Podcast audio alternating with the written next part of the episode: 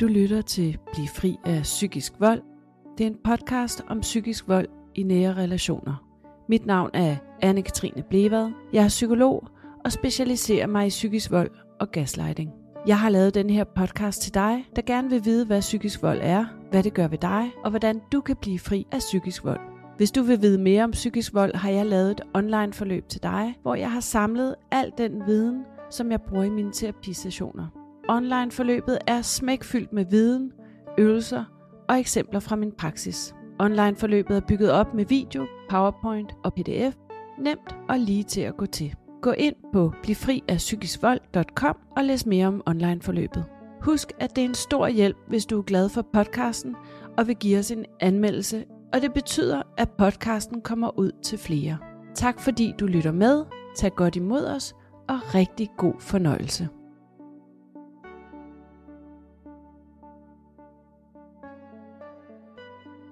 Velkommen til Bliv fri af psykisk vold. I dag har jeg været så heldig at lukke Maria Nannested med i studiet. Velkommen til, Maria. Tak. Jeg tænkte, om du vil introducere dig selv. Mm.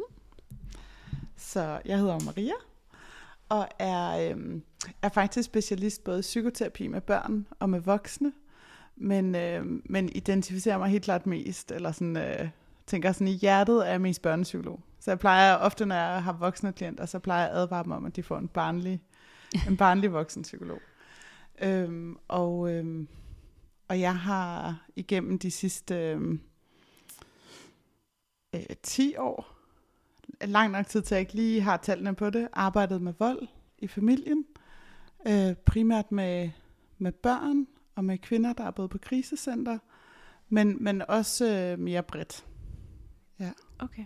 Hvordan er din interesse for netop, hvordan er du landet lige der?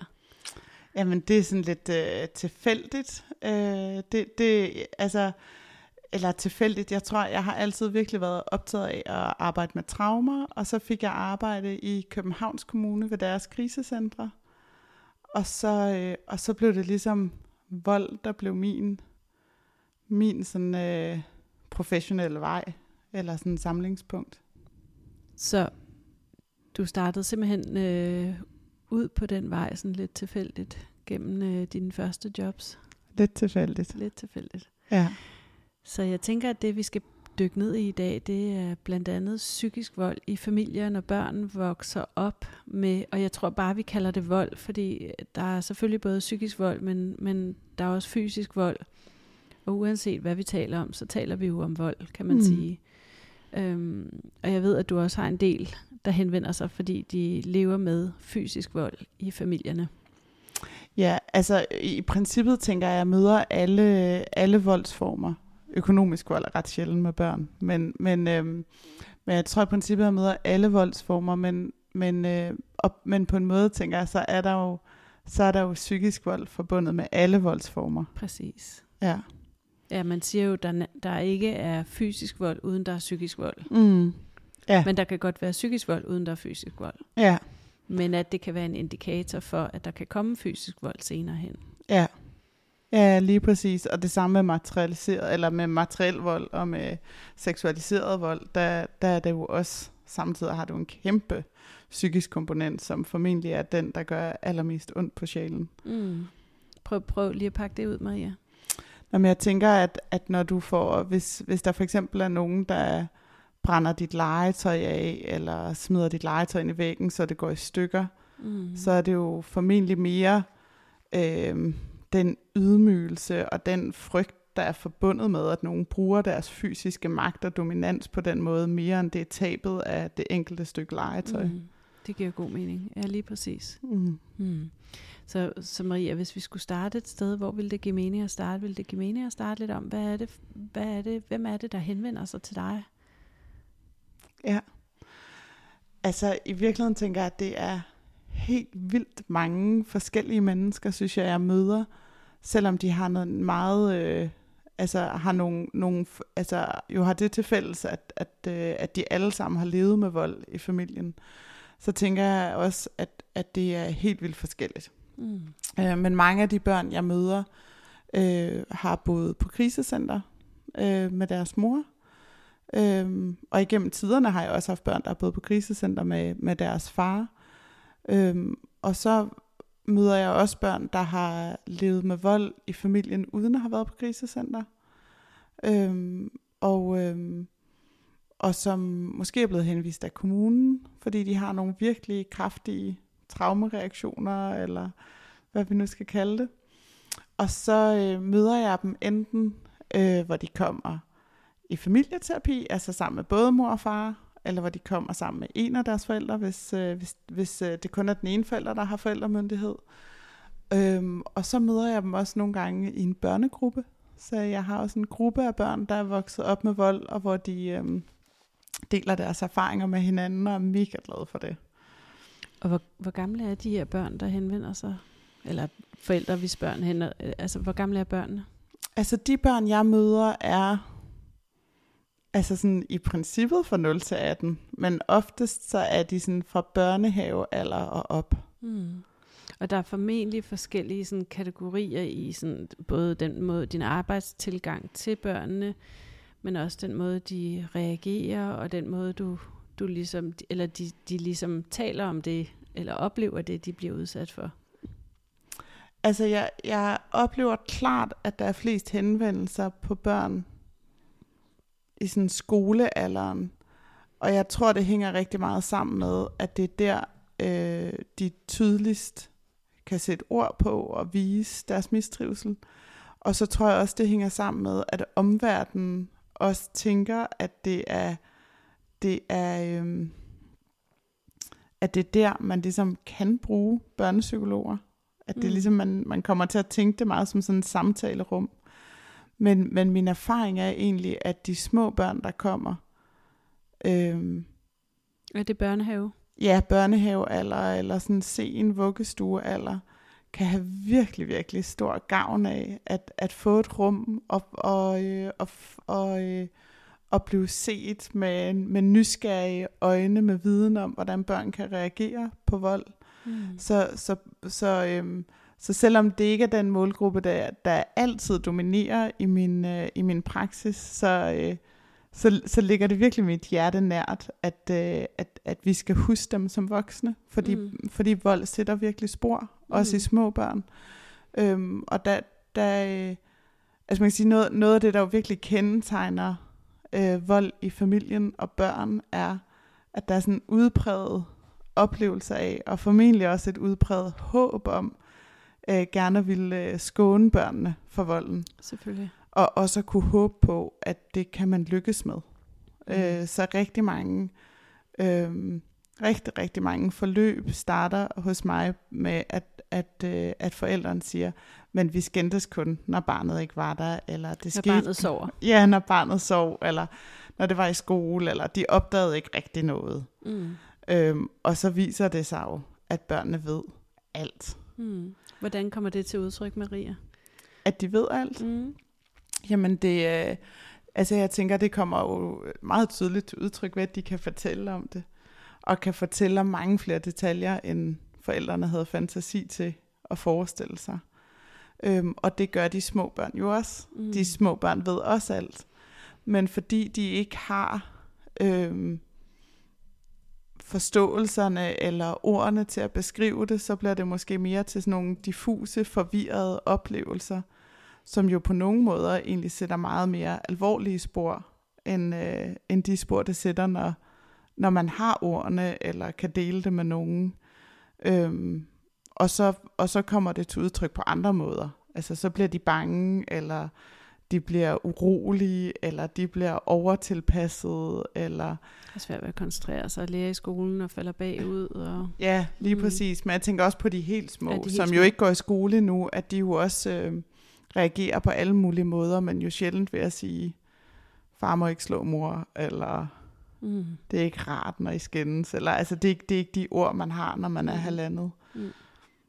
Ja. Jeg tænker, hvis nu vi, vi sådan spoler lidt tilbage og taler lidt om, hvad er det for nogle voldsformer, børn bliver udsat for? Mm.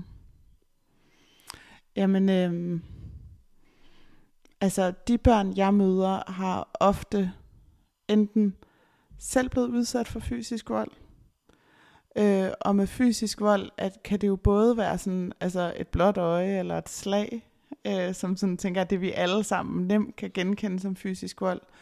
Men det kan jo også være skub, eller det at bruge sin fysiske magt øh, til at dominere kropsligt med. Hvordan? Prøv at komme med et eksempel på det. Jamen, jeg tænker, hvis man øh, holder nogen fast, eller man står i vejen, eller altså på Skubber. andre må- Ja, skubber. Øhm, og, og, øhm, og så kan man jo sådan diskutere, hvor går grænsefladen til, til psykisk vold i forhold til at være truende. Men, men jeg tænker, trusler er jo øhm, øhm, ofte virkelig dominerende mm. i, i mange børns liv. Skaber frygt. Ja, og som både kan være sådan, altså decideret tydelige trusler, øh, og også trusler om vold, eller trusler om, hvad, hvad, øh, øh, hvad, man, altså, hvad man kan gøre ved den anden forældre, eller sådan meget håndgribelige, tydelige. Men det kan jo også være, øh, det kan også være, hvad hedder sådan noget, meget mere subtile trusler, som også kan være svære for børnene at gennemskue. Øh, og kan, ved du hvad, kan du et eksempel på en subtil trussel? Ja, altså jeg tænker, det, det kan jo være en trussel, som for eksempel ligger i erfaringer, at man ved, hvis jeg gør det her, så bliver du sur og i dårligt humør. En, øh, en subtil trussel kan jo også være, øh, hvis du lever i, i, et, i et højt sådan, spændingsniveau, at, at der bliver kommunikeret ting, som det er jo ikke fordi, jeg ikke vil, men du kan jo nok forstå at, eller hvor, hvor det egentlig umiddelbart tænker jeg, fra forældrenes side bliver formidlet på en måde, hvor man tænker, altså at, at man øh, på alle mulige måder gerne vil tage hensyn til barnet, men, men hvor det budskab, barnet får, er, hvis ikke jeg gør det her, så bliver mor ked af det, eller hvis ikke jeg gør det her, så bliver far rasende. Og det du beskriver der, det er jo på en eller anden måde, at barnet skal tilpasse sig den voksnes øh, humør eller behov, kan man sige. ikke? Så Mm. mm. barnet i den situation skal udslette sine egne behov og sine egne grænser for at, at, at tage hensyn til forældrene. Ikke? Jo. Og jeg tror, jeg tror, at det er jo på en måde, at det der i allerhøjeste grad kendetegner øh, alle, alle voldsformer. Fordi nu spurgte du til, hvad, hvad er det for nogle voldsformer, de bliver udsat for, og jeg tænker, det er jo alle voldsformer. Øhm, og, og det er jo seksualiseret vold, og det er fysisk vold, og det er psykisk vold, og det er materiel vold. Øhm, og i en eller anden udstrækning kan det jo også sagtens være økonomisk vold. Altså børn bliver jo også udsat for økonomisk vold, når, øh, når den ene forældre er presset ud i, øh, i fattigdom, eller bliver Mm. afskåret for at få adgang til sine midler. Øhm, men, men, men på tværs af alle voldsformer, så tænker jeg, noget af det, der, der, der virkelig øh, går igen, er, at børnene jo øhm, på en måde bliver nødt til at udvikle. Jeg plejer sådan tit at tale med børn om, at man, man udvikler næsten sådan nogle, øh, de kan se ret forskellige ud, men næsten altid udvikler nogle øh, usynlige antenner. Mm, øhm. Præcis. Og det kan både være sådan nogle virkelig, virkelig lange antenner, som på magisk vis kan høre lyd igennem betonmure, eller som kan høre, hvad der sker, altså virkelig langt væk, hvor man tænker, det, det burde man ikke kunne høre, men det kan de. Øhm, eller, eller, øh, eller antenner, der fanger alle mulige slags stemninger, som, som jeg har talt med utrolig mange børn, som kan høre, hvilket humør deres forældre er i, på den måde, de sætter nøglen i låsen. Øhm, eller som har sådan nogle øh, virkelig, hvad hedder sådan nogle øh, skarpe antenner, der fanger alle mulige signaler i forhold til Stemninger. ja, stemninger. Og øh, det, jeg har også talt med mange børn, hvor volden egentlig er sluttet i deres liv, men som stadig holder øje med, hvad er det for nogle tegn på, at nu er den ved at komme tilbage, eller social kontrol, som også kan fylde i rigtig mange børns liv. Øh, hvornår er der nogle små tegn på noget, og så, vum, Mm. så er det der igen for fuld udblæsning. Mm. Og det møder jeg hos rigtig mange. Jeg møder jo de voksne, der har enten, enten lever i relationer med psykisk vold, eller er vokset op med psykisk vold. Og rigtig mange af dem, der er vokset op med den psykiske vold, der har haft de her antenner, de beskriver sig selv som sådan særlig sensitive eller overfølsomme, fordi de på en eller anden måde har udviklet, udviklet en eller anden form for sensitivitet eller øget opmærksomhed på deres omgivelser, fordi de har været vant til at for at overleve i det, har de skulle navigere i skiftende øh, stemninger derhjemme. Mm. Og når de netop er kommet hjem fra skole, og stemningen har varet stemningen, at den ikke helt var cool, jamen så, så derfor jeg lige op på værelset, selvom de måske i virkeligheden mest havde lyst til at fortælle om deres dag, eller der var sket mm. et eller andet. Ikke? Så den der sådan virkelig overtilpasning i deres omgivelser er noget af det, mange bringer ind i deres voksenliv, Ja. og med i deres nye relationer, ja. som også gør, at de engang imellem passer hånd i handske med en, der udøver vold. Mm. Ja, ja, og man kan sige, der er jo det øh, sådan øh, øh, nogle gange lidt ærgerlige hos os mennesker, at det vi gør, det bliver vi mega gode til, og Ja. det vi ikke gør, det, det aflærer vi.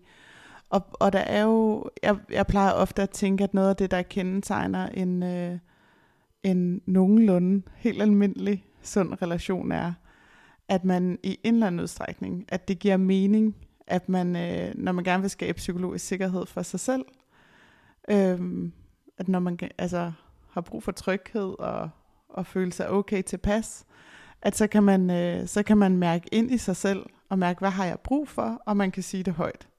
Og det er ikke sikkert, at alle omkring en lige kan imødekomme det, men det giver mening at sige det højt. Og hvis, øh, hvis de andre ikke lige, hvad hedder sådan noget, er med på det, eller øh, hvad ved jeg, hvis nu man havde brug for et knus, eller godt lige øh, kunne bruge fem minutter for sig selv og sidde og drikke en kop te, at, øh, at så kan det godt være, at de andre siger, at det, altså, jeg er ikke lige til at give et knus, eller øh, jeg har faktisk brug for, at du lige hjælper med, eller, men, men det er stadig trygt at sige det højt, og der kan måske indgå sådan nogle kompromiser, hvis ikke det kan imødekommes. Øhm, og det giver ingen mening at have den tilgang, når man er i, i en relation, der er utryg, eller hvor der er, bliver brugt vold. Mm. Øhm, så, så, øh, så er det altså så er vejen til at skabe ro og tryghed for sig selv, psykologisk sikkerhed, det er ved at orientere sig mod den anden, fange alle mulige signaler og prøve at regulere den andens humør. Mm. Så hvis jeg nu er lidt mere stille, eller hvis jeg husker at skrue ned for min Playstation, eller hvis jeg smiler og siger, at jeg gerne vil spille Ludo, eller hvis jeg gør sådan og sådan og sådan, så kan den voksne øhm, øh, komme i et andet humør, og så kan jeg slappe af. Mm. Øhm, øhm, eller, eller det modsatte. Eller hvis jeg skruer op for temperaturen, hvis jeg er vildt besværlig, så kan det være, at de voksne øh, ikke skændes med hinanden, men skælder ud på mig. Så bliver, man bliver lynafleder på den ja, måde. lige præcis, at man kan gøre sig selv til lyn- lynafleder. Øhm, så på alle mulige snedige måder, tænker jeg, giver det bare bedst mening at orientere sig ud af og prøve at regulere de andre. Og så kan man, altså, og enten, hvad hedder sådan noget, prøve at nedregulere og sådan øh, berolige, eller skrue op for temperaturen for at få det overstået. Fordi Mm. at, at man ofte godt har en erfaring med, at, at lige efter der har været en voldsepisode, så er der en periode med ro. Mm. Øhm, og den ro kan godt nydes, er det i hvert fald min erfaring af rigtig mange voldsuds, at det, den kan godt nydes umiddelbart efter, fordi så ved man, der er ret lang tid til. På et tidspunkt, så bliver den ro ulidelig, fordi så går man og venter på, hvornår den er slut. Og så er vi inde i den voldscyklus, ikke? Med, Ja. med de forskellige faser, ikke? Hvor Ja. der er en anspændt fase op til en konflikt, så er der konfliktfase. Ja. I nogle tilfælde er der forsoningsfasen, og så Mm. kommer der måske en rolig periode, og så kører det sådan i cykluser, så man lever i, i de cykluser, og det gør børnene jo også. Det gør børnene nemlig også. Så, så derfor så, øhm, så, så er det jo ikke, øhm, øh, tænker jeg, bare noget, man har lært eller har tilpasset sig. Jeg tænker, det, det er jo en virkelig relevant overlevelsesstrategi at orientere sig mod andre. Præcis. Og ofte betyder det jo også et totalt fravær af at have orienteret sig imod sig selv. Mm. Så det at have fået helt almindelig erfaring med, hvordan har jeg det, og hvad har jeg brug for, og hvad gør mig glad, og hvad kan egentlig få mig til at grine, er der, er der nogle børn, der faktisk har enormt lidt viden om eller erfaring med. Og, og jeg møder dem igen som voksne, og mange af dem kender faktisk ikke sig selv. Nej, De, altså, de mister noget identitetsudvikling, identitetsfølelse, oplevelse mm. som voksne, fordi de aldrig har, har fokus på sig selv, fordi de der antenner altid har været fo- fokuseret på andre. mm. Og jeg, jeg kommer til at tænke på, når du beskriver det der, om det gav videre, om det også som voksen kan, kan, kan vise sig som sådan det at have lidt mere kontrol over sine omgivelser, altså vide, hvor folk er, og hvad de laver, og altså en, have et behov for at kontrollere, eller være på forkant med det, der sker omkring en i voksenlivet, når man har haft så meget alarmberedskab aktiveret som barn, og fokus mm. på, på, på sine omgivelser, om det er noget, man også kan bringe med sig i voksenlivet. Mm. Ja, det giver vildt god mening.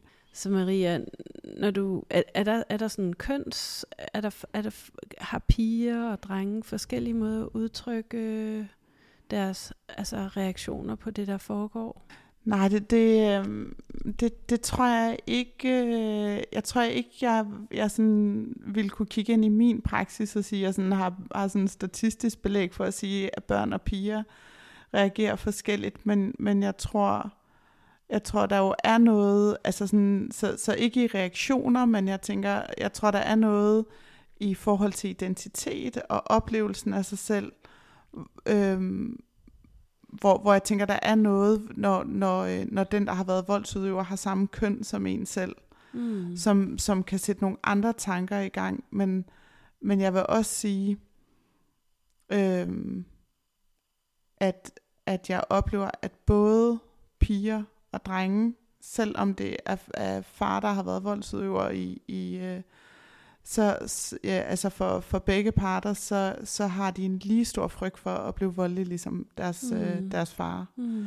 Og det, øh, og det, det er min oplevelse, at det ofte er den største og mest invaderende frygt for dem, og også er enormt skamfuldt, og hvad kan, kan være enormt svært for dem at tale med andre om, fordi at omverdens umiddelbare respons altid er, nej, det skal du slet ikke, eller sådan er du jo ikke, eller at det, at det meget hurtigt bliver, bliver negligeret, hvis de deler det med deres mor, eller hvis de deler det ude i verden.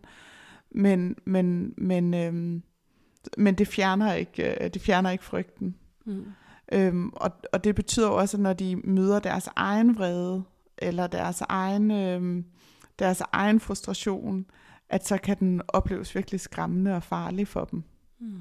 Og der, der, der kan der måske for nogle drenge være, øh, være nogle, nogle flere øh, tanker og bekymringer, særligt i forhold til selv at skulle være forældre, fordi de skal være far. Øhm, og, og man kan sige, der, der er jo bestemt øh, mange af de børn, jeg møder, som heller ikke har lyst til at, øh, at, øh, at, at bare gentage alt, hvad deres mor har gjort, eller sådan have sådan en til en rollemodel i deres mor. Men, men, øhm, men, men ofte er der jo, altså er det jo sådan en helt drivkraft, eller en, en, en, en stor frygt, mm. altså at skulle blive ligesom deres far. Og, og jeg, jeg møder det igen i min praksis med de voksne, primært mm. er det kvinder, der henvender sig, og, og mange af dem, de beskriver netop også særligt, at det sårbart, når de bliver forældre, at de frygter sådan, hvis det er moren, der har været udøveren af den psykiske vold, frygter de simpelthen så meget, at, at de kommer til at blive lige sådan, og at, ja. at de tvivler virkelig på deres egen morrolle, så det, får, det har ret sådan alvorlige konsekvenser også på den måde, ja. den tvivl. Jeg har, jeg har lyst til at, at dele øhm, nogle af mine øh, yndlingsstudier, som, som på en måde også bekræfter det med antennerne, men som jo også peger på, at, at selvom man har virkelig gode og veludviklede antenner i forhold til at opfange signaler fra omverdenen, så er det jo ikke altid, at de omfanger signaler sådan øh, helt objektivt rigtigt. At de får jo på en måde også et, øh, et øh, altså sådan en, øh, altså der er en risiko for fejllæsning. Øhm, og der nogle af de studier, der er lavet, der har man, øh, der har man bedt øh, børn der er vokset op med vold eller sådan uro og traumer, om at, øh, at aflæse øh, andre menneskers ansigtsudtryk. Så man har vist dem billeder af forskellige ansigtsudtryk og har bedt dem om at, øh, at, at, at fortælle, hvad, hvad ser de? Hvad, hvad, hvad har din fornemmelse af, at de her mm. mennesker føler? Og så har man gjort det samme med børn, der, har, der ikke har, øh, har haft øh, voldstraumer i deres opvækst. Og det man kan se, det er, at de børn, der er vokset op med vold, har en tendens, altså de har sådan det, man kalder et negativt bias, altså de har en negativ læsning. Overfortolke far på færre. Ja, lige præcis. Så når de, ser et, når de bliver præsenteret for et neutralt ansigt, så tolker de det ofte som vredt, og når man, eller sådan, eller lidt irriteret, eller altså det får sådan nogle undertoner, og når man, når man viser dem et, øhm, et vredt eller et aggressivt ansigtsudtryk, så tolker de det som mere farligt og mere intimiderende end de, end de andre børn. Mm. Og, og det betyder jo helt reelt også, at de børn, der er vokset op øh, med, med vold, også, også uden for hjemmet, også når der ikke er vold, lever i en verden, øh, som, som de oplever som mere farlig og truende.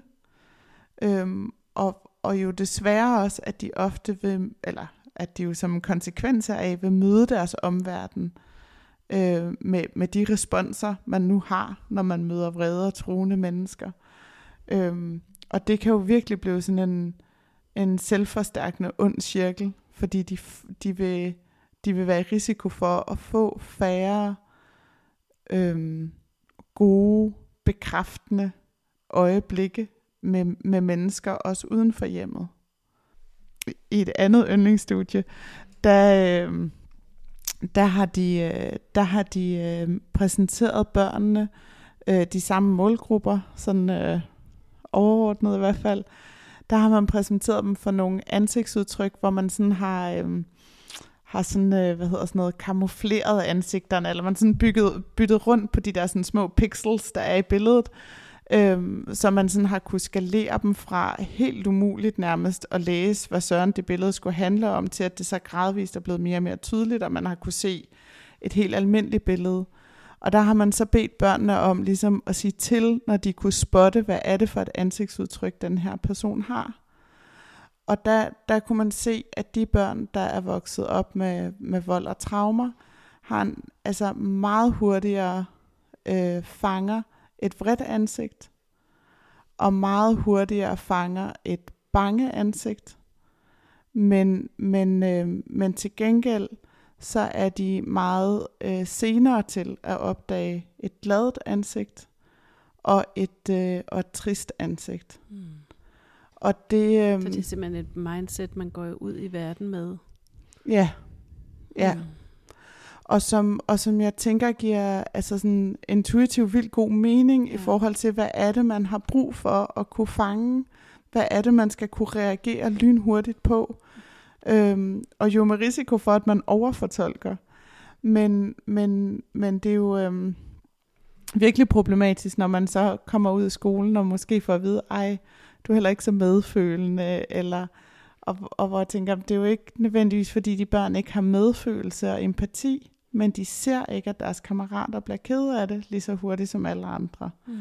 Øhm, og, de, og, de, og, det, og det tager måske også længere tid for dem at smile tilbage, når mm. nogen smiler til dem og er glade, mm. fordi de fanger ikke signalerne. Mm.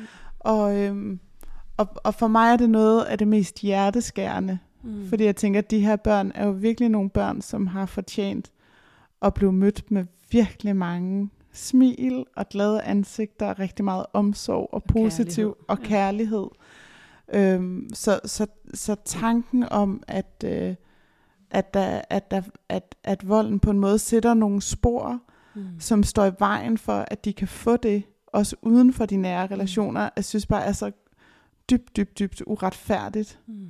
Øh, samtidig med, at det jo giver enormt god mening, at, at det er det, der sker. Mm.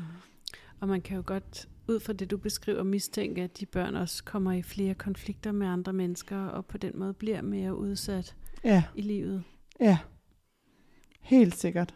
Helt sikkert. Altså, og, og, og samtidig så vil, vil skal ud i skolen også øh, sætte nogle helt andre spor i dem, end mm. det vil for deres klassekammerater.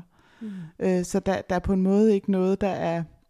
Jeg tænker, det er jo aldrig uskyldigt, når voksne råber af børn, men, men, men, men det bliver, men alle oplevelser, også de oplevelser, hvor deres klassekammerater kan tænke, åh ja, herregud, han var bare lidt frustreret, eller kan godt blive, opleves virkelig voldsomme. Og når man oplever noget virkelig voldsomt, reagerer man jo også virkelig voldsomt. Mm. Og det kan ligesom, ja, det kan virkelig nemt blive selvforstærkende. Mm.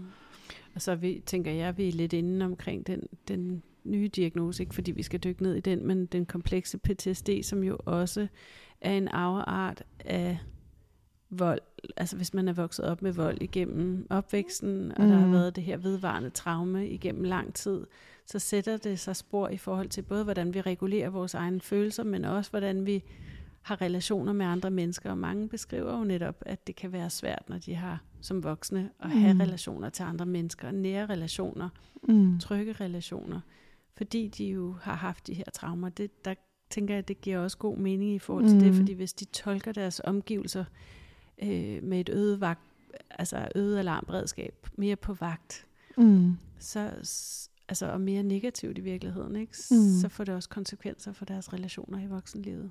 Ja. Mm. Ja, helt vildt. Og det kalder jo virkelig på, at, at alle os voksne, som, som er omkring de børn, der er, der er vokset op med vold, øh, at vi er både afsindig opmærksomme på at, øh, at se bag om deres adfærd, øh, men også, at, også, hvad hedder sådan noget, at se vores egen adfærd øh, efter i sømne og, og gøre os umage med, vi skal jo være autentiske. Det er jo ikke fordi, jeg synes, at voksne skal gå rundt og, og fake et smil. Det, det tænker jeg, at de her børn også øh, har alt, er alt for skarpe til at se bagom. Det har de prøvet. Men, men at vi er opmærksom på, at når, når, vi, øh, når der er plads til det, så må vi gerne være tydeligt, tydeligt smilende og venlige. Mm. Øh, og, når vi, øh, og når vi lige bliver eftertænksomme, eller ser lidt alvorlige ud, at så kan der være brug for at undertekste. At man lige får sagt, jeg, jeg rynker måske lige min pande, men det er fordi, det du siger, synes jeg lyder virkelig alvorligt. Det er ikke fordi, jeg er vred på dig, men, men, men jeg bliver virkelig altså, tænksom og alvorlig lige nu. Eller, øhm, eller at man får sat ord på, at, øh, at jeg bliver frustreret, og jeg, og jeg er vred, men det er ikke en farlig vrede, og jeg har selv styr på det. Eller, men, men at man husker at hjælpe de her børn, fordi, øh, fordi det har de brug for. Mm. Det er jo en måde at skabe tryghed, tænker jeg, ikke? At Ja. være gennemsigtig. Ja, ja, Mm. Og jeg tænker, at vi som forældre jo også en gang imellem, det, det er jo noget, vi alle sammen kan gøre. Vi træder ved siden af, og vi, vi kan blive vrede, eller råbe af vores børn. Altså, øh, være, være umulig der, hvor den store forskel er. Og det er også noget af det, jeg snakker med de voksne om, som er- frygter at ligne deres egen forældre. Det er jo, forskellen er jo, at man tager ansvar. mm. At man går ind bagefter og siger, ved du hvad, det var bare ikke i orden. Min opførsel var ikke okay. mm. Det har ikke noget med dig at gøre.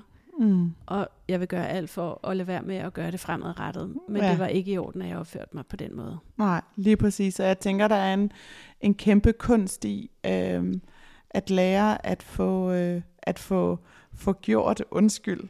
Altså ikke bare at sige undskyld, men, men at gøre det. Der er handling bag ordene, ikke? Ja, og at man får repareret, og at man tager, får taget fuldt ansvar ved, ved også at få sat ord på, hvad var det? Altså at man ikke bare får sagt, ej, der var jeg også lidt dum, eller, Mm. eller, øhm, eller jeg var også irriteret, eller jeg havde også haft en lang dag på arbejde, men man, at man også får sagt, jeg kom ind ad døren, jeg råbte af dig, jeg sagde de og de ord, det skulle jeg ikke have gjort. Mm. Altså man tør vedkende sig, og at man tager ansvar uden, uden mænder. Mm. Præcis, det er, det er super afgørende. Ja, lige præcis. Og, og ikke noget med, ja præcis, ikke noget med det her, men, men du sagde også, eller, Ja. men du var også, Ja. det, er jo, det er jo ikke en undskyldning. Nej, nej, og, og ikke noget, du kan jo nok forstå. Mm. eller... Øh, ja, så jeg tænker, det er en meget god opmærksomhed at have, og en rød lampe, der kan blinke, hvis man hører sig selv sige men, så, mm, så starter man lige forfra. Maria, er der noget sådan som voksne, fordi det jeg møder ofte hos nogle af de voksne, der har været udsat for psykisk vold i opvæksten, som har været, altså hvor det har været ret voldsomt derhjemme, mange af dem er ked af, at deres omgivelser ikke har reageret.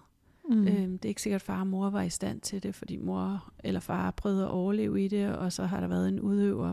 Øhm, men, men der har jo været en skole, der har været nogle øh, kammeraters forældre, og- mange af dem oplever det som et ret stort svigt. Er der noget, man kan gøre som voksen i omgivelserne, hvis der er et barn, der ikke trives? Og hvad skal man kigge efter? Altså man kan sige, der, der er jo sådan... Øhm, altså i Danmark, tænker jeg, har vi jo virkelig fået en god bevidsthed om fysisk vold. Vi ved, vi skal reagere. Hvis der er nogen, der slår deres barn ned i supermarkedet, er der en rimelig stor sandsynlighed for, at der vil være vildt fremmed, der, går hen ind. og, og griber ind og reagerer. Og, og, øh, og jeg tror, noget af det, som, som jeg godt kunne håbe, øh, sker, øh, er, at, øh, at vi får en, en lige så yde opmærksomhed på, hvad det betyder, når vi slår børn med ord. Mm. Og en opmærksomhed på, at for børn betyder det endnu mere, at der er en god stemning imellem deres forældre, at der er tryghed der. Øhm, øhm, så det at, at opleve, at der er psykisk vold, eller fysisk vold, eller, eller seksualiseret vold imellem sine forældre, øh, er i allerhøjeste grad også øh, psykisk vold for barnet. Mm. Øhm, og måske mere alvorligt end, end direkte psykisk vold mod barnet. Og, og, og jeg har også læst mig til, at det ikke bare for barnet at overvære situationen, det er også, hvis de oplever efterspillet efter øh, de overgreb, der kan have været mellem forældrene, at, at øh, far sidder og, og græder og er ked af det, eller mor ligger på sofaen og kan ikke øh, fungere i hverdagen, mm. at det faktisk også er, den, er psykisk vold over for barnet, at, at det efterspil, der kan være, fordi at der er psykisk vold mellem øh, forældrene, også har betydning for, at man betragter det som psykisk vold, Ja. som barnet lever med. Ja, og jeg tror sådan som, jeg tænker ofte, at, at øh, stort set alle følelser jo er øh, en helt almindelig del af voksenlivet, eller voksenlivet af menneskelivet, og, øh, og, og vi har alle sammen adgang til alle følelser i hele registret, og det, det er jo på en måde som sådan en slags øh, livs-GPS. Så jeg tænker, der, er- der er intet, altså jeg tænker tværtimod, tænker jeg, at det er rigtig godt, vi har alle følelserne. Øh, det er rigtig godt, at vi kan være kede af det, og vi kan være bange, og vi kan være vrede, og øh, For de er med til at guide os.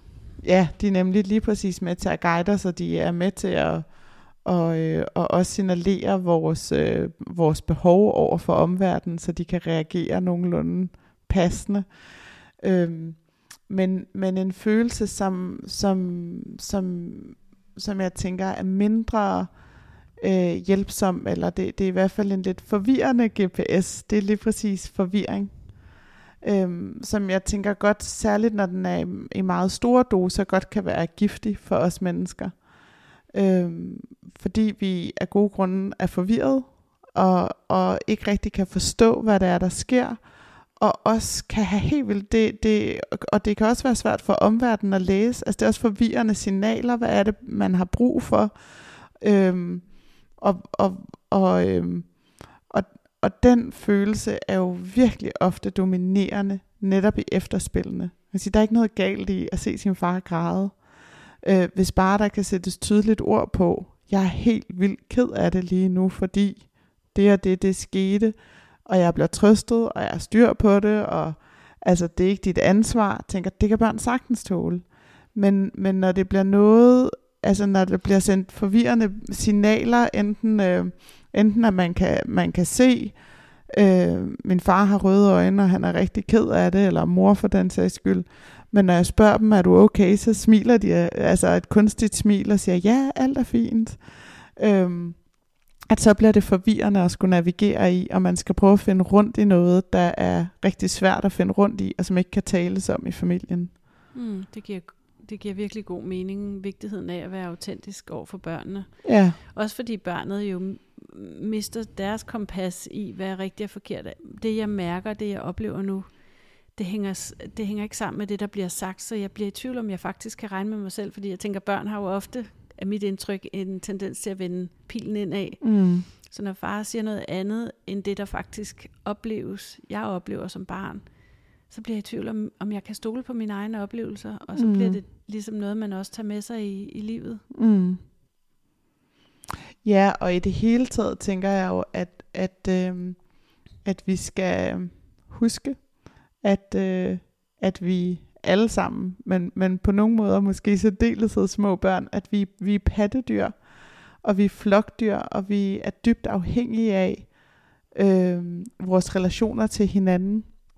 Og børn øh, kan ikke lære sig selv at kende selvstændigt som en selvstændig enhed. De kan kun lære at fornemme sig selv, de kan kun lære sig selv at kende igennem et andet menneske. Så, så når små børn, øh, hvad hedder sådan noget, øh, når små børn har en, øh, en følelsesmæssig tilstand, når de oplever noget, så har de, kan de ikke i sig selv øh, forstå den, uden at den går igennem et andet menneske, som, som opfanger den, og i en eller anden modificeret udgave sender den tilbage til dem. Så en, der ligesom oversætter det, der sker til barnet. Ja, lige præcis. Og som, og som jo sender det tilbage i en, øh, en, hvad hedder sådan noget, en eller anden form for bearbejdet version, så når det, så når det lille barn øh, øh, græder og er sulten, eller koldt, eller frustreret, øh, og, det, og det bliver mødt af en forælder, der, der jo, øh, hvad hedder sådan noget, på ingen måde har det samme udtryk som spædbarnet, det har det ikke brug for, men som, øh, men som, men som i en bearbejdet form kan sige, åh ja, der var du ked af det, og du var kold, og nu skal jeg nok sørge for, at du får tørt tøj på, eller så, så man, Spejler. ja, så man får spejlet barnet og vist, jeg fanger dine signaler, men, øhm, men, men, men jeg sender dem også tilbage i en øh, modificeret udgave. Så får barnet en fornemmelse af, når ja, jeg var træt, og jeg var ked af det, jeg var kold, og nu giver min mor mig tøj på. Mm. Men hvis man omvendt møder det barn ved at skrige det ind i hovedet, eller fortælle det, det er en manipulerende lille pestilens, så er det det signal, barnet får. Så er det den læring, barnet får. Jeg har den her fornemmelse ind i kroppen. Jeg sender det her ud i verden. Jeg er en manipulerende pestilens. Det er jo virkelig forsimplet, og jeg er godt klar over, at spædbarn ikke øh, forstår ordet manipulerende. Men, men bare for at sige, at, at på den måde kan børn jo kun lære sig selv at kende igennem andre. Mm. Øhm, og det, det kan man sige, det kan vi voksne også, men vi har bare et større repertoire af oplevelser. Erfaring, ja. Så det vil også være muligt for os at sige, okay, øh, du reagerer jo helt ude i hampen, eller jeg ved jo godt, det der, det handler om dig. Men det kan et lille barn ikke. Øh, og hvis et lille barn er vokset op øh, med, med, med mange øh, negative erfaringer, vil, vil der jo også bare være en kæmpe stor grad af forvirring og kaos, øh, som, som gør det sindssygt svært at mærke sig selv. Og, og noget af det, du beskriver der, det er jo noget af det, der virkelig skrider, når der er, tænker jeg, når der, er- når der er psykisk vold i familien, enten mod forældre, men også mod børnene, at både fordi overskuddet på en eller anden måde forsvinder, der kommer sådan en overlevelsestilstand, kunne jeg forestille mig, i familien, Mm. men også fordi barnet jo ofte, og det er jo sådan en eller anden form for gaslighting, tænker jeg også, når, når barnet bliver øh, tillagt nogle, op, nogle følelser, nogle oplevelser, øh, og nogle, altså simpelthen for at vide, jamen, at du er for meget, eller øh, du er for sensitiv, eller hold op med at pive, øh, det er der ikke noget at pive over, og altså det der med, at de virkelig sådan får til, tillagt en anden virkelighed, end den, der faktisk er deres virkelighed. Mm. Mm. Men giver det mening? Det, det giver vildt god mening, og jeg tænker også, at øh, der er også noget i, at, at når der er vold i familien, så vil børnene også næsten helt automatisk ofte blive overladt psykologisk til sig selv rigtig ofte. Selvfølgelig. Der er Øhm, overskud. og hvor, hvor jeg tænker, det er jo, øhm, at, at, øh, at der, der er noget i, om man kan tale om tingene, og om det er forudsigeligt og forståeligt. Og det, det er jo på ingen måde, fordi at øh, jeg vil pladere for fysisk vold, heller ikke øh, opdragelsesvold, men, men jeg tror, der er mange af os, som har haft bedsteforældre, der har prøvet at blive altså, opdraget med, med, med, hvor fysisk vold har været en del af opdragelsen, og hvor de ikke har de samme, ikke alle, der er helt sikkert også nogen, der har nogle meget traumatiske øh, øh, erindringer om det, men, men hvor der også kan være mindre traumatiske erindringer om det, fordi der også, fordi den vold også har været forbundet med en form for øh, sådan i gåseøjne retfærdighed, men, men også noget forudsigeligt og noget forståeligt, at hvis jeg øh, øh, det ved jeg ikke lige, hvad der kan være eksempler, men hvis jeg banner ved middagsbordet, så, så får jeg et klaps. Eller hvis, og det sker også for min søster, og det sker også for min lillebror, og det sker også for min nabo, og at der, at der er en form for forudsigelighed i det, og man kan, og man kan øh, forhåbentlig også i en eller anden udstrækning tale om det, om ikke andet med sine søskende. Og det, og, og man kan sige, hvis, altså, øh, jeg tænker, målet ville altid være, at der ikke skulle være nogen som helst voldsformer i børns liv. Men, men jeg tænker, hvis, hvis der, der er vold, så har det jo en enorm betydning, om man kan tale om det eller ej. Hvis, hvis, øh, hvis far sad og græd, fordi øh, mor havde, øh, havde øh, udsat ham for psykisk vold og havde nedgjort ham. øh, hvis, man, hvis man i stedet for at smile og kunne sige, at alt er fint, når barnet har overhørt det, kunne i tale sætte direkte, og, og mor også kunne tage ansvar for det. Jeg kaldte din far, de er dine navne. Han blev ked af det. Øhm, vi får hjælp, vi snakker med nogen. Det har ikke noget med dig at gøre. Det, det er vores ansvar. Øhm, og nu går mor en tur, og øh, jeg snakker med tante Oda, eller sådan, hun er god for mig, far gør det og det. Øhm, vi har styr på det i en eller anden udstrækning. Det du mærker... Ja, vi går ikke i stykker. Det Nej. er ret vigtigt. Ja, for lige præcis. Ikke? Ja. Vi går ikke i stykker, vi har styr på det, det er vores ansvar, og vi tager det ansvar. Øh, og det du mærker og registrerer er rigtigt nok. Mm. Det, det er stadig ikke rart for børn, men det bliver meget mere navigerbart. Mm. Øhm, og jo i særdeleshed, fordi de arbejder på det, Mm. kan man sige, og tager ansvar, så der er håb for, at frekvensen vil falde. Men, men, øh, men, men det gør bare en kæmpe forskel, Mm. mm. når man kan lige præcis det, og det er ofte umuligt. Altså, der er jo noget enormt tavst over vold i familier, øh, hvor man ikke kan tale om det, hverken internt eller eksternt, fordi man ikke har ordene. Øh, og så bliver det ordløst og forvirrende. Og jeg tænker både fordi man ikke har ordene, men jo også fordi, at der, der jo kommer en eller anden form for medafhængighed, som gør, at vi er med til også at dække over det udadtil. Vi taler ikke om det udadtil, vi dækker over det. Vi er med til at opretholde den pæne facade, så ingen opdager. Der er jo også en medafhængighed af det, Mm. eller medafhængighed i det, når, når den anden part er med til at dække over det, der sker derhjemme. Ikke? Mm. fordi det er skamfuldt, eller fordi at det gør ens partner mere vred, eller det vil give flere konflikter, eller hvad nu hvis de vender sig imod ham eller hende. Hvordan Ja. bliver det, når vi går ud til et middagsselskab, øh, og de har de historier, det kan de ikke navigere i. Mm. Mm. Så der er sådan en eller anden form for medafhængighed, og det får børnene vel også, når de navigerer i det der system.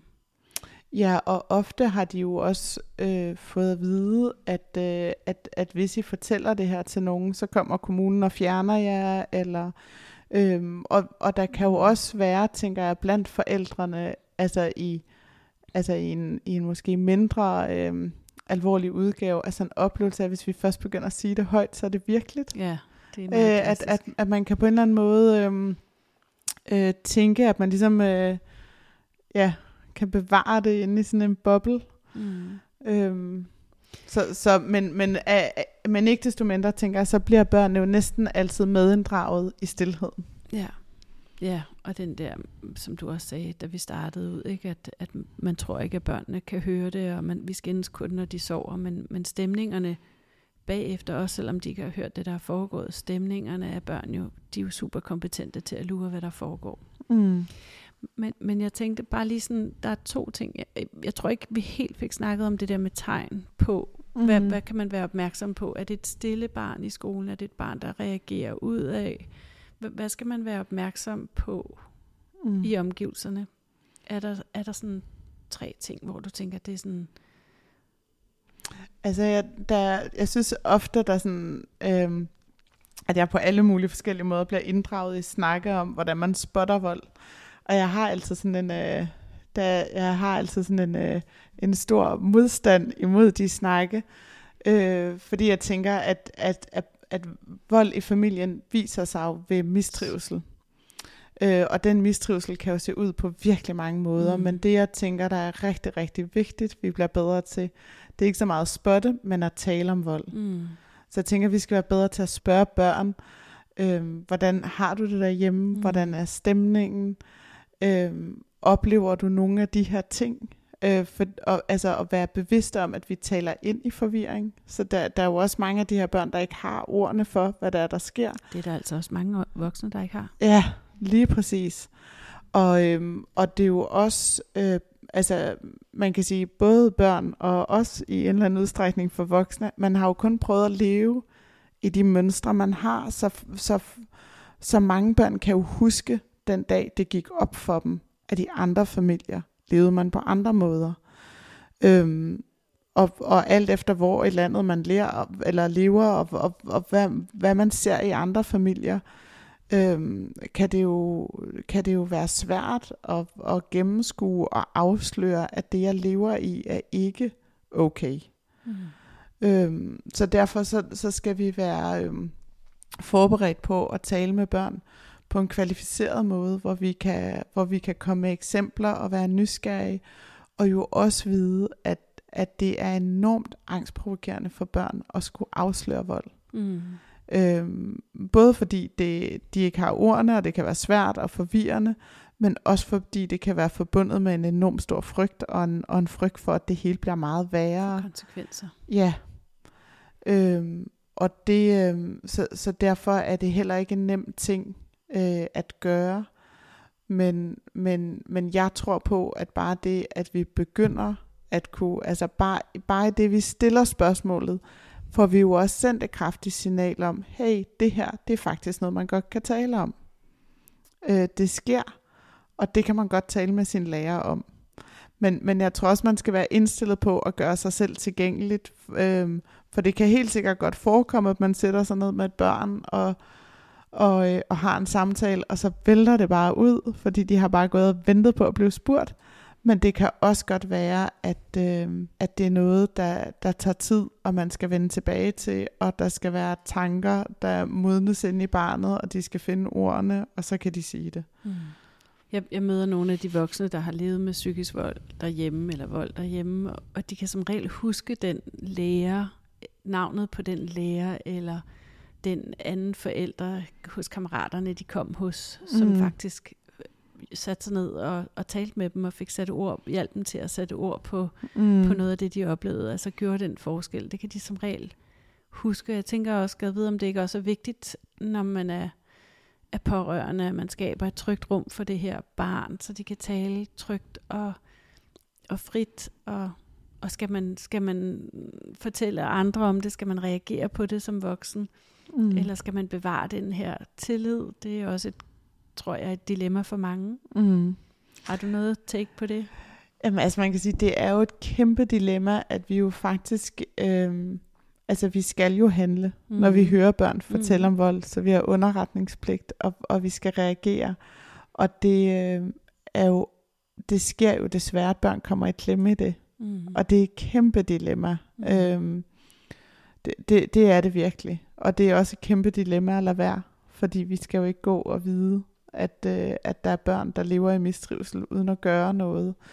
Men øh, ja, så jeg tænker, det korte svar er jo, at vi skal reagere, men, men jeg tænker, at vi skal huske at reagere øh, på så kærlig og børnevenlig en måde som overhovedet muligt, og vi skal huske at fortælle børnene om, hvad der er, der sker. Mm. Jeg har mødt utrolig mange børn, også øh, også når de er flyttet på krisecenter, hvor at, øh, der er vi jo ligesom, øh, der, der er volden kom, kommet øh, ud, øh, og er blevet ligesom, øh, den har fået ord, og der er også blevet handlet, men som, som oplever, at der altså, bliver taget alle mulige beslutninger, og der sker alt muligt i deres liv, og de ofte er de sidste, der får det at vide. Og det, det, jeg tænker bare, det er vigtigt, at vi jo på den ene side klart giver børn plads til at være børn og passer på dem, men også anerkender, at de har taget et kæmpe stort ansvar og har vildt mange antenner ude og holder øje med vildt mange ting. Så vi kan heller ikke bare forvente, at de så bare slukker for alt det og er sovløse børn. Øhm, så der, der skal vi huske, at, at der har de også brug for information og inddragelse for at kunne slappe af mm. og lægge antennerne og, og blive mere sovløse. Mm. Så Maria, jeg tænker, at øh, vi runder det her afsnit af. Mm. Og øh, i næste afsnit, så kunne jeg godt tænke mig at tale lidt mere om, nu har vi taget lidt udgangspunkt i, hvad er det børnene oplever, og, og fået forhåbentlig pakket ud for jer lyttere, hvad er det, der sker med børn, der lever og, eller vokser op med vold. Men i, i næste afsnit kunne jeg rigtig godt tænke mig, hvad, hvordan navigerer man i det som voksen, mm. når man har børn, man enten skal aflevere, hvor man mistænker vold, eller når man øh, lever med, med vold, hvordan taler man om det, der sker, hvis, hvis man ikke er enige om, mm. at man skal tale med børnene. Det kunne jeg rigtig godt tænke mig at tale med dig om. Mm.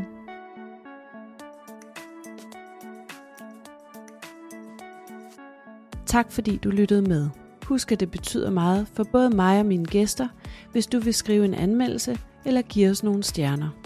Hvis du er i tvivl, om du enten lever med eller har været udsat for psykisk vold, så har jeg lavet et online forløb til dig. Flere af dem, der allerede har taget online-forløbet, har oplevet, at de tvivlede mindre på sig selv, oplevede, at de var mere afklaret og i det hele taget stod stærkere i sig selv, efter de havde taget online-forløbet. Hvis du vil vide mere, så kan du gå ind på blivfriafpsykiskvold.com og læse mere om kurset. Du er også velkommen til at skrive til mig, hvis du har spørgsmål til online-forløbet.